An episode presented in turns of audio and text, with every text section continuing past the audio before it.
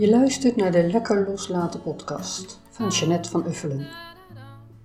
Circumstance does not make the man. It reveals him to himself. James Allen, As a Man Thinketh.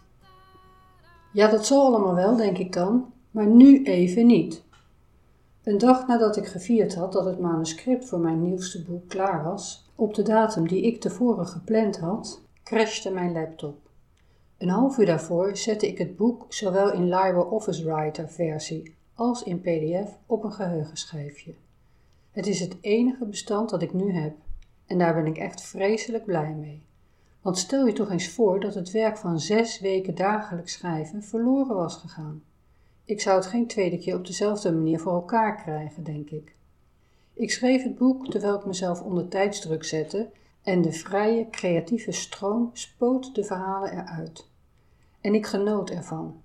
Nu, de verhalen aan het delen, nu ik de verhalen aan het delen ben met een deel van mijn volgers, klanten, familie en vrienden, hoor ik ook hun reacties. En die bevestigen dat ik dit, en die bevestigen dat ik dit echt moet publiceren. De eerste exemplaren zijn al verkocht. Mooi. Het is spannend, want het is nogal mijn verhaal en dat van mijn familie, dus die moet ik het echt even voorlezen voordat het naar de pers gaat. Maar ik weet al lang dat het er een keer van moest komen. En het moet eruit voordat ik verder kan. Die crash in de laptop was natuurlijk mijn eigen stomme schuld. In maart vorig jaar kocht ik dit mooie apparaat met Linux en Ubuntu erop geïnstalleerd. Linux is gebouwd vanuit idealen en Ubuntu is open source software. Voor wie dat niet zegt, we maken het samen en het is vrij verkrijgbaar. En je hebt niet keer op keer nieuwe licenties nodig. De laptop moest ik natuurlijk wel gewoon kopen en ik kocht een goede. Daarvoor had ik een Google Chromebook laptop. Die heb ik gelukkig nog steeds. Superhandig en in het begin heel snel, want geen harde schijf. Daarvoor moet wel alles op je Google Drive bewaard blijven en dat wilde ik niet meer. Ik ben al jaren fan van Linux, maar daar moet je je wel een beetje in verdiepen om het te laten werken.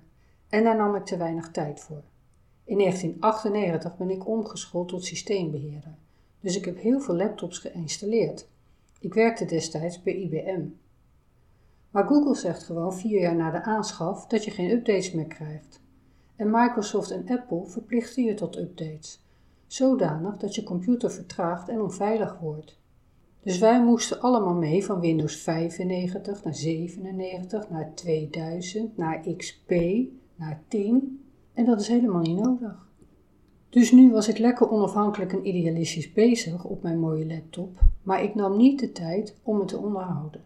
En ik geef toe, ik kreeg al wat meldingen dat de schijf vol liep. Dus ik was al wel wat aan het opschonen, maar te weinig en te snel. Tja, ik was een boek aan het schrijven, ja. Ik kan niet alles tegelijk. En voor het gemak sloeg ik de ene versie na de andere op, voor de zekerheid om niets kwijt te raken.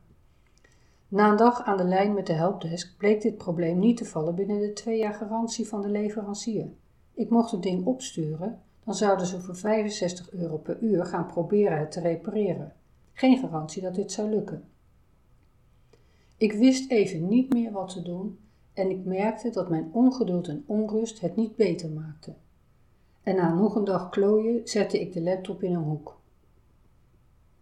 Ik had de zomerretraite al verkocht en die moest dus starten. Met videolessen, dagelijkse e-mail en meditaties. Dat deed ik op mijn oude Google Chromebook en dat ging heel erg traag. Maar dat was niet merkbaar voor de klanten. Zelf werd ik er haast gek van.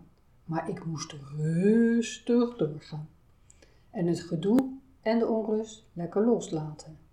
Dus ik ging mijn huis schoonmaken. Dat had ik tijdens al dat schrijven een beetje verwaarloosd. De meeste klanten zijn de laatste tijd online, maar mensen die redelijk in de buurt wonen, komen nog steeds. Het huis zag er spik en span uit voordat mijn klant kwam. Na een geweldige sessie ging ze blij de deur uit, waar ze op de drempel mijn kleine neef Sam tegenkwam.